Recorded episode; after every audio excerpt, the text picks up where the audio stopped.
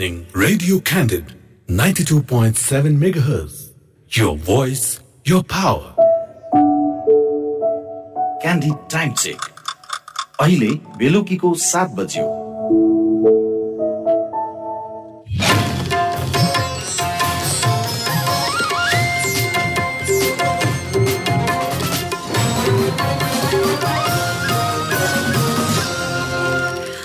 नमस्कार बेलुकी सात बजेको क्यान्डिडेट न्युजमा तपाईँलाई स्वागत छ। म सुनिता भुल। र म उमा केसी। अब यस बुलेटिनका प्रमुख समाचारहरू। प्रतिनिधि सभाबाट केही नेपाल ऐन संशोधन गर्न विधेयक पारित आगामी निर्वाचनमा महिला उम्मेद्वारको प्रतिनिधित्व बढाउन सरकारलाई सांसदहरूको ध्यानकर्षण राष्ट्रिय सभा बैठकबाट कारागार विधेयक बहुमतले पारित।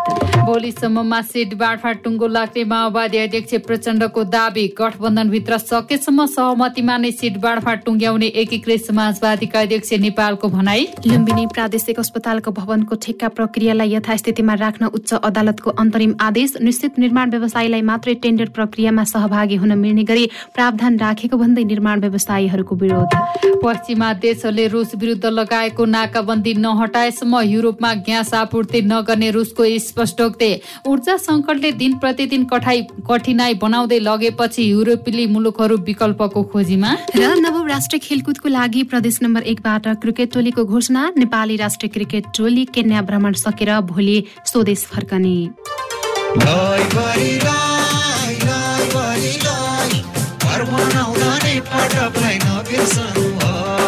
घर बनाउँदा बिग्रिन्छ कि भन्ने लाग्छ डर तर मलाई एउटा कुरा लाग्छ साह्रै भर ठुला ठुला महल्ला नि सानै घरलाई अब नेपाटपको स्टिलको पाइ पायो अब। सस्तो राम्रो बलि यो आकर्षक रोजगार यो जतिको राम्रोहरू भेटिँदैन खोज्दा। रङ र रेलीको सुन्दरता बढाउने। नेपाटको स्टिलले मन खुसी बनाउने। घर बनाउँदा नेपाटलाई नबिर्सनु है। रोजौ नम्बर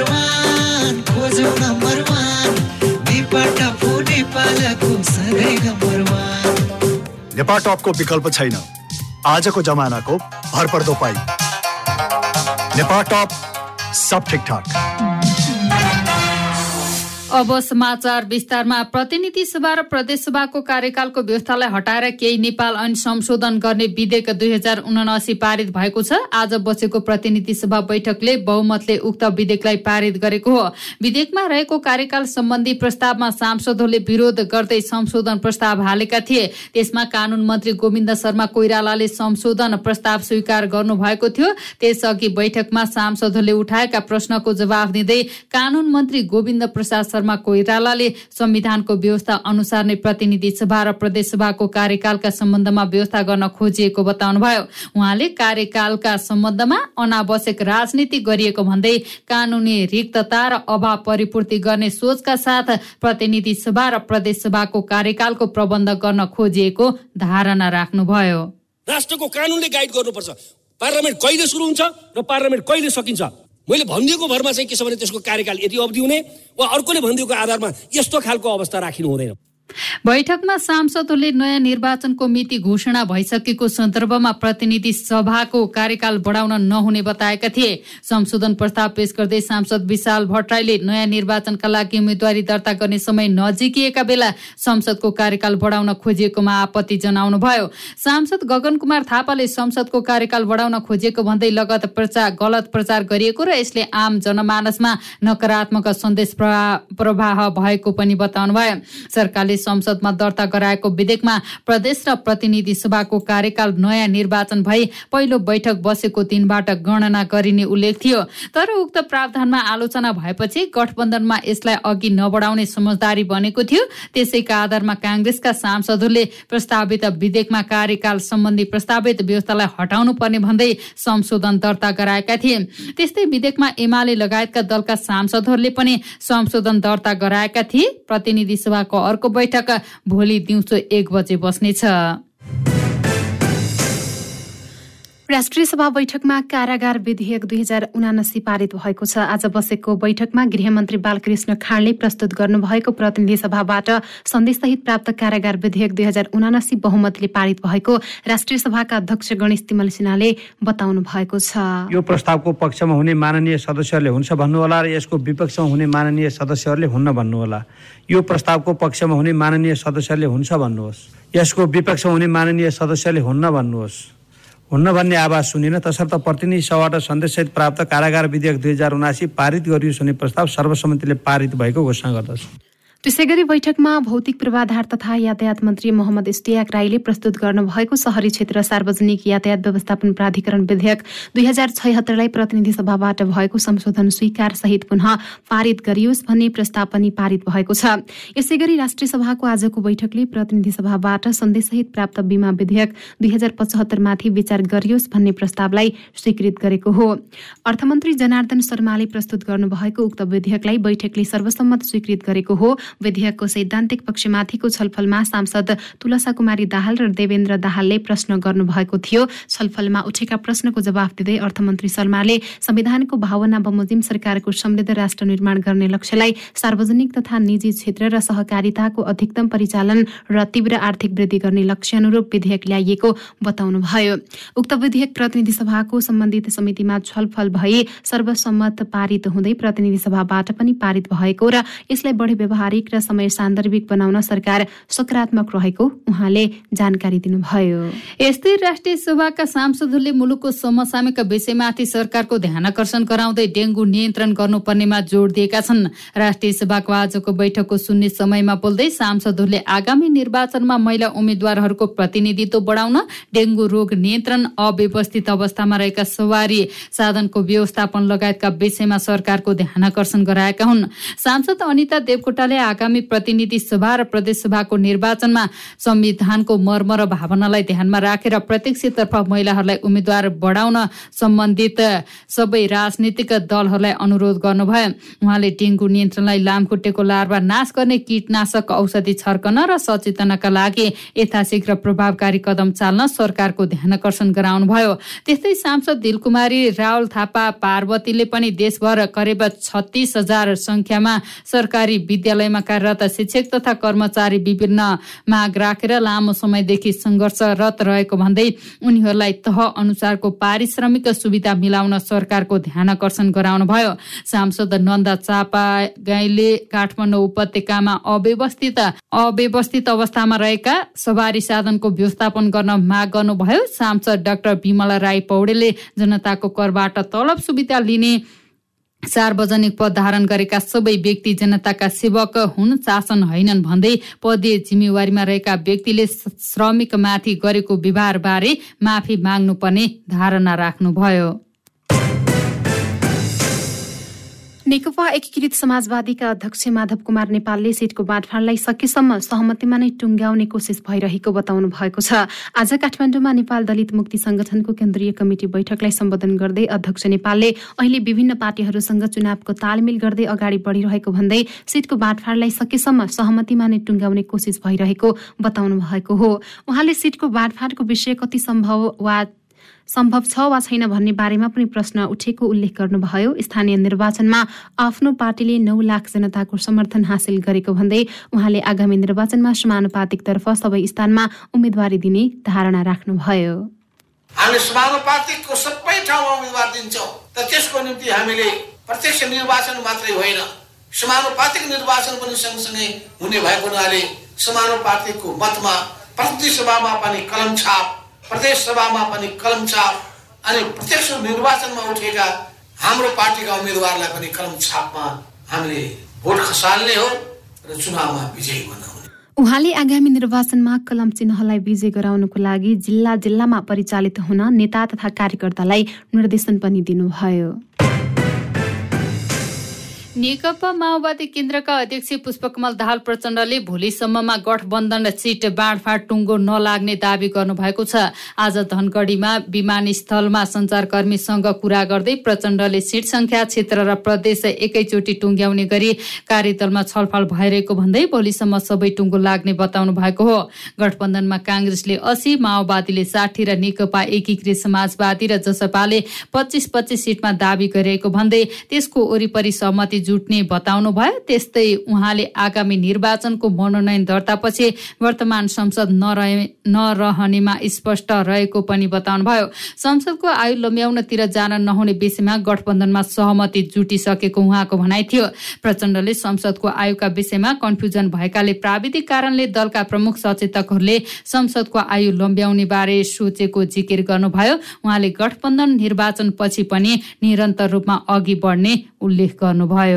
नेपाली कङ्ग्रेसले उहाँहरूले सुरुमा सय भन्नुभयो तर पछि असीको वरिपरि आउने सम्भावना बढ्दो छ। हामीले पनि साठी भनेका छौँ। र साठीबाट केही तलमाथि होला तर त्यसैको वरिपरि हुन्छ भन्ने हाम्रो विश्वास छ। त्यसै गरी समाजवादी पार्टीले पच्चिस वरिपरि भन्ने कुरा चाहिँ गरेको स्थिति छ। त्यस्तै जनता समाजवादी पार्टीले पनि पच्चिसको वरिपरि नै दावी गरिरहेको स्थिति छ।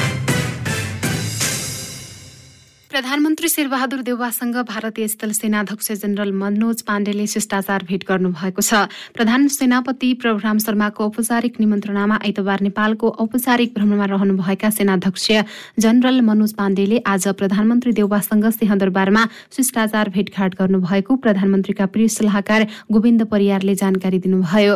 यसअघि उहाँले आज शिवपुरी स्थित सैनिक कमाण्ड तथा स्टाफ कलेजको भ्रमण गरी उक्त कलेजको वस्तुस्थिति लगायतका विविध पक्षबारे जानकारी लिएको जनाइएको छ। जनरल पाण्डेले भोलि मुस्ताङमा मुक्तिनाथ मन्दिरको दर्शन गरी पोखरा स्थित नेपाली सेनाको मध्य कमाण्ड हेडक्वार्टरको भ्रमण गर्ने कार्यक्रम रहेको छ। एमाले आगामी चार मङ्सिरमा हुने प्रतिनिधि सभा तथा प्रदेशसभा निर्वाचनका लागि उम्मेद्वारको नाम सिफारिससँगै आवश्यक विवरण पठाउन आग्रह गरेको छ। एमालेको केन्द्रीय कमिटिको चौथो बैठकको निर्णय अनुसार प्रत्यक्ष निर्वाचन प्रणाली र समानुपातिक निर्वाचन प्रणालीतर्फका उम्मेद्वारहरूको नाम सिफारिस गर्ने काम धमाधम भइरहेको एमाले जनाएको छ। उम्मेद्वारका रूपमा नाम सिफारिस भएका व्यक्तिहरूको नाम पार्टी केन्द्रीय कार्यालयमा पठाउँदा निर्वाचन आयोगको अनुसूची चौध र सत्र बमोजिमको मन्जुरी नामामा हस्ताक्षर गर्नुपर्ने भएकाले सम्बन्धित कमिटिले उक्त अनुसूचीका साथै सबै विवरणहरू अनिवार्य रूपमा संलग्न गरी पठाउन पार्टीको केन्द्रीय कार्यालयले आग्रह गरेको हो। एमाले नाम सिफारिससँगै नेपाली नागरिकताको प्रमाणपत्र सम्पत्ति विवरण फारम सिलबन्दी गरेर पेश गर्न र मतदाता नामावलीमा नाम भएको विवरण पनि पठाउन आग्रह गरेको छ जसमा मतदाता क्रम संख्या ओडा नम्बर गाउँ नगरपालिका प्रदेश र जिल्ला उल्लेख गर्न पनि एमाले स्पष्ट पारेको छ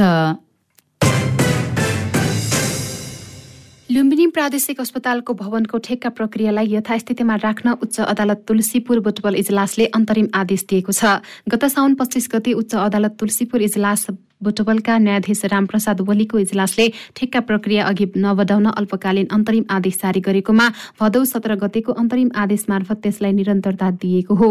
लुम्बिनी प्रदेश पूर्वाधार विकास प्राधिकरणले निश्चित कम्पनीलाई मात्रै मिल्ने गरी मिलोमतोमा अस्पताल भवन निर्माणको लागि ठेक्का आह्वान गरेको भन्दै निर्माण व्यवसायी बलिभद्र राणाले उच्च अदालत तुलसीपुर बुटबल इजलासमा रिट दायर गर्नुभएको थियो। उक्त रिटमा अदालतले तत्काल प्रक्रिया रोक्न आदेश दिएको हो। प्रदेश विकास पूर्वाधार प्राधिकरणले छ अर्ब सत्तरी करोड रुपियाँ लागतमा अस्पतालको दस तले भवन निर्माणको लागि आह्वान गरेको टेन्डरमा निश्चित निर्माण व्यवसायीहरूलाई मात्र टेन्डर प्रक्रियामा सहभागी हुन मिल्ने गरी प्रावधान राखेको भन्दै निर्माण व्यवसायीहरूले विरोध जनाएका थिए।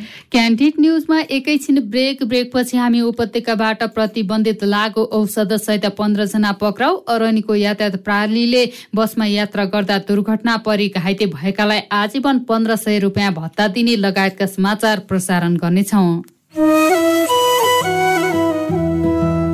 हिमाल पहाड तराई यो देश अम्बे स्टिल्सले बलियो हाम्रो देश। विकासको रेखा कोरौँ अम्बे स्टिल्सले साना ठुला निर्माण गरौँ अम्बे स्टिल्सले गर्नु पर्छ देश निर्माण बनाउनु छ दिगो। अम्बे स्टिल्स बन्छ बन्छ दिगो। यो अम्बे स्टिल्स यो हो अम्बे स्टिल्स यो अम्बे स्टिल्स जे बन्छ दिगो बन्छ। क्यान्डिड न्युजमा पुनः स्वागत छ। अब बाँकी समाचार। काठमाडौँ महानगरपालिकाले असन इन्द्रचोक सहितका स्थानमा सड़कमा राखिएका सामग्री हटाउन चेतावनी दिएको छ। यसअघि नै सड़कमा राखिएका सामग्री हटाउन र अवैध संरचना हटाउन महानगरले आग्रह गरेको थियो तर महानगरको आग्रहलाई बेवास्ता गरेपछि आज सड़कमा राखिएका केही सामग्री महानगर प्रहरीले उठाएको छ। साथै सड़कमा कुनै पनि सामग्री नराख्न र अवैध संरचना भत्काउन पनि महानगरले निर्देशन दिएको छ। उपत्यकाबाट प्रतिबन्धित लागु औषध सहित प्रहरीले पन्ध्र जनालाई पक्राउ गरी आज सार्वजनिक गरेको छ। लागु औषध नियन्त्रण ब्युरो कोटेश्वरबाट खटिएको प्रहरी टोलीले उपत्यकाका विभिन्न स्थानबाट लागु औषध सहित पक्राउ परेकाहरूलाई आज सार्वजनिक गरेको हो। विभिन्न व्यक्तिले लागु औषध एम्पुल खरिदका लागि धरौटी राखेका विभिन्न कम्पनीको मोबाइल सत्र घडी सात र गिटार चार थान समेत प्रहरीले बरामद गरेको जनाएको छ। भदौ सोह्र गतेदेखि बिस गतेसम्मको पाँच दिनभित्र ब्युरोको टोलीले उपत्यकाबाट खैरो हेरोइन दुई सय सतासी ग्राम दुई सय बाहन्न एम्पुल र दुई किलो गाँजा सहित पन्ध्रजनालाई पक्राउ गरेको ब्युरोका प्रमुख वरिष्ठ प्रहरी उपरीक्षक विकास खनालले बताउनुभयो। प्रतिबन्धित लागु औषधको बजार मूल्य उन्तिस लाख उनान्सय हजार चार सय रहेको पनि उहाँले बताउनुभयो। अरनीको यातायात प्रणालीले बसमा यात्रा गर्दा दुर्घटनामा परेर अङ्गभङ्ग भएर घाइते भएकालाई आजीवन एक हजार पाँच सय रुपियाँ भत्ता दिने भएको छ। समितिका सचिव तथा प्रवक्ता प्रभुराम थापाले नवनिर्वाचित समितिको पहिलो बैठकले व्यवसायी भलाइ कोषमा क्रियाशील सदस्यको मृत्यु हुँदा पाँच लाख क्षतिपूर्ति दिनेमा त्यसलाई बढाएर रु दस लाख बनाएको समेत बताउनुभयो। त्यसै गरी अरनीको यातायातका कर्मचारी बहालवाला रहेकै अवस्थामा अचानक निधन भएको खण्डमा तीन लाख रुपियाँ दिने निर्णय बैठकले गरेको छ। मजदुर चालक सहचालकको रु पाँच लाखको दुर्घटनामा दुर्घटना बिमा बापतको रकम दिने गरेकोमा बैठकले दस लाख बनाउने निर्णय गरेको प्रवक्ता थापाले जानकारी दिनुभएको छ। समितिले दशैं तिहार लक्षित गरेर यही भदौ तेइस गतेदेखि अग्रिम टिकट बुकिङ खुल्ला गर्ने भएको छ। अरनीको यातायातले काठमाडौँ पूर्वका सिन्धुपाल्चोक काभ्रेपाल्चोक दोलखा रामेछाप लगायतका जिल्लाका दूर दराजसम्म यातायात सेवा प्रदान गर्दै आएको छ। चितवनमा जापानिज इन्सेफ्लाइटिसको महामारी देखिएको छ। बाइसजना शङ्कास्पदको नमुना परीक्षणका क्रममा नौजनामा संक्रमण पुष्टि भएको हो। विश्व स्वास्थ्य संगठनको निर्देशिकाले यसरी जापानिज इन्सेफ्लाइटिसको बिरामी देखिनुलाई महामारी भन्ने गर्दछ।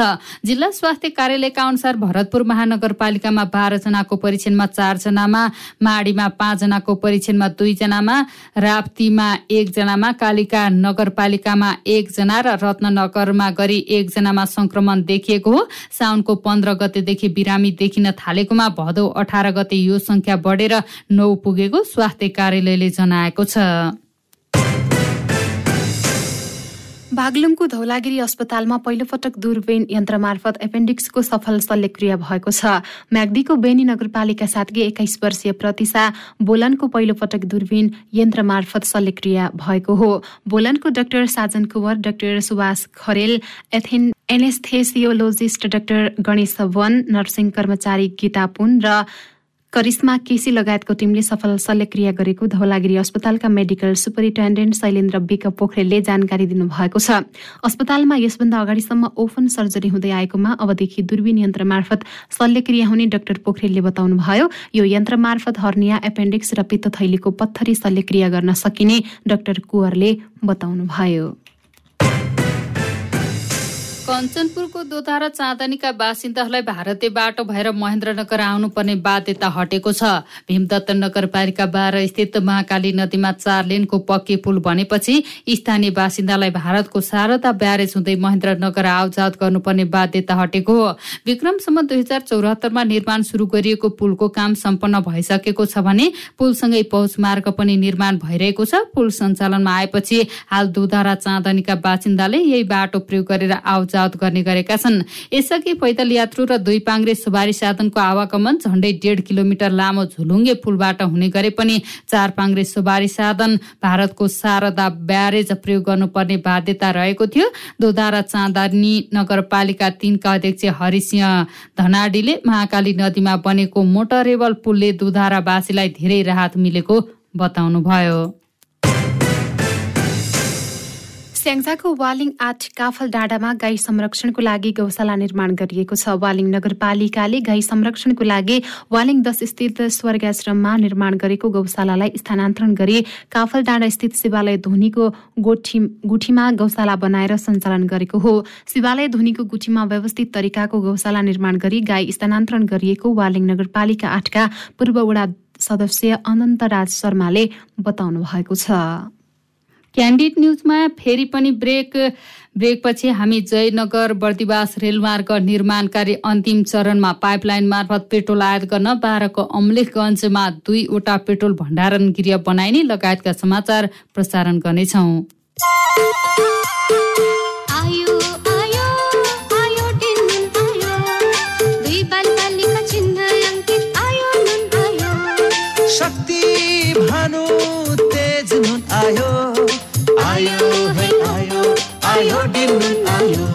गर्भवती महिला बाल बालिका र हामी सबैको शारीरिक र मानसिक विकासको लागि दुई बाल बालिका चिन्ह अङ्कित आयो शक्ति भानु तथा तेज आयोडिन युक्त नुन मात्र प्रयोग गरौँ। साल कर्पोरेसन लिमिटेड।